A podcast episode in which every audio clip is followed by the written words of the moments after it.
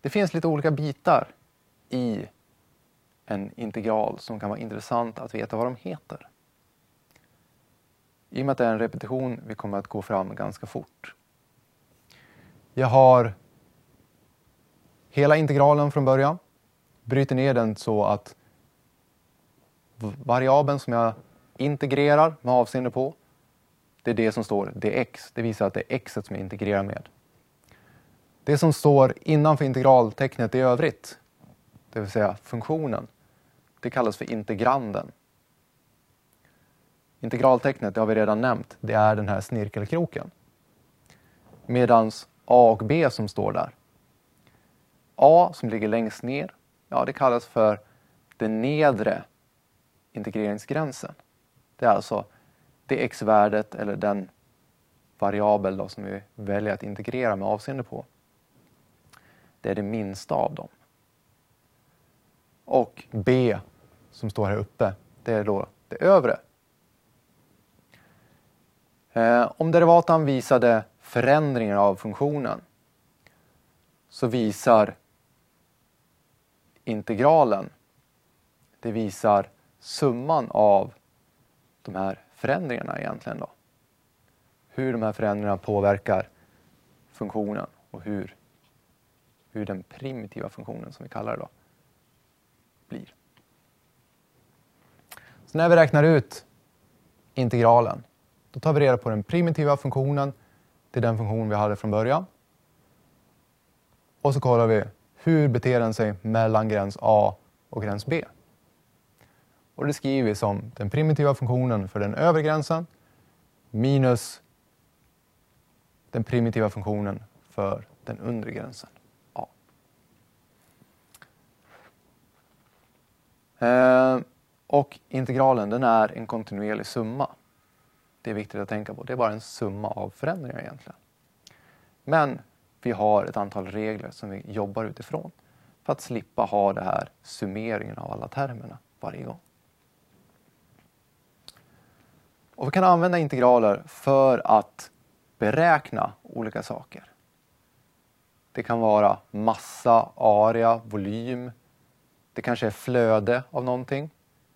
Flöde av elektrisk ström.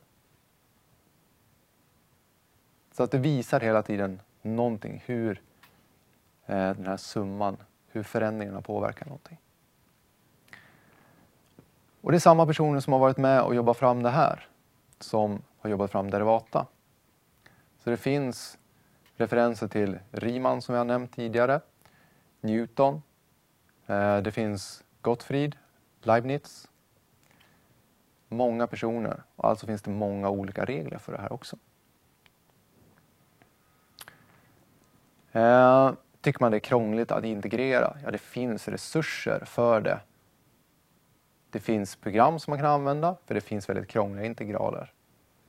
Eh, det finns gratisresurser på nätet. Till exempel Wolfram har en väldigt bra sida som man kan integrera direkt på nätet. Som vi har en adress här uppe.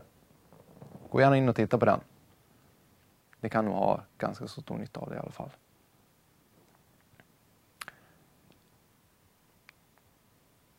Men de olika reglerna som vi använder, eh, det är regler för beroende på vilken typ av funktion vi har. Precis som vi pratade om innan. Är det en potensfunktion? Är det en exponentialfunktion? Är det en trigonometrisk funktion? Är det en logaritmfunktion?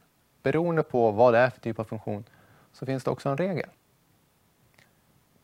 Och det man ska tänka på, om derivatan sänkte graden ett steg, då höjer integralen ett steg. För vi tittar på vilken funktion har jag haft från början.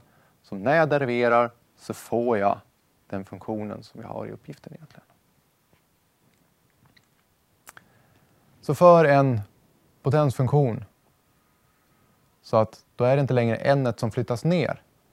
Utan jag måste tänka vad är det som händer med den primitiva funktionen när jag deriverar den.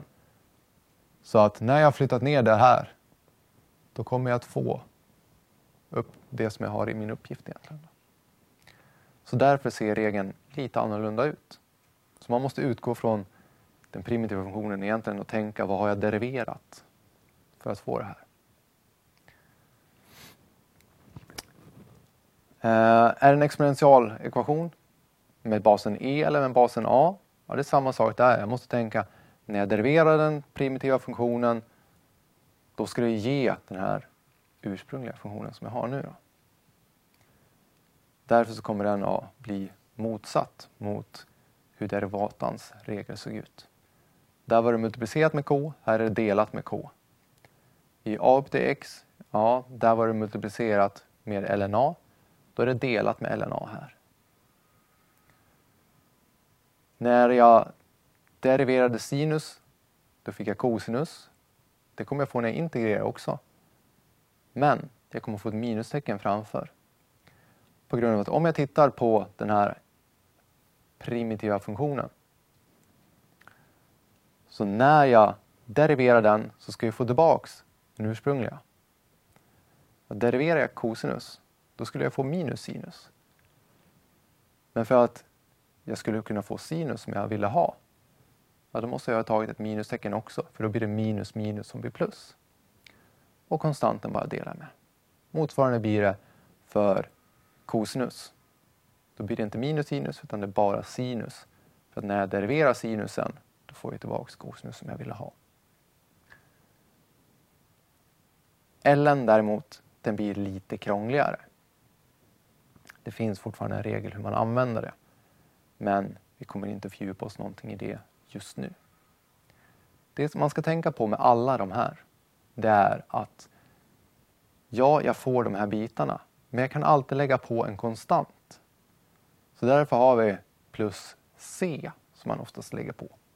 För att visa att det här är inte bara en primitiv funktion utan det här kan representeras av vilken funktion som helst.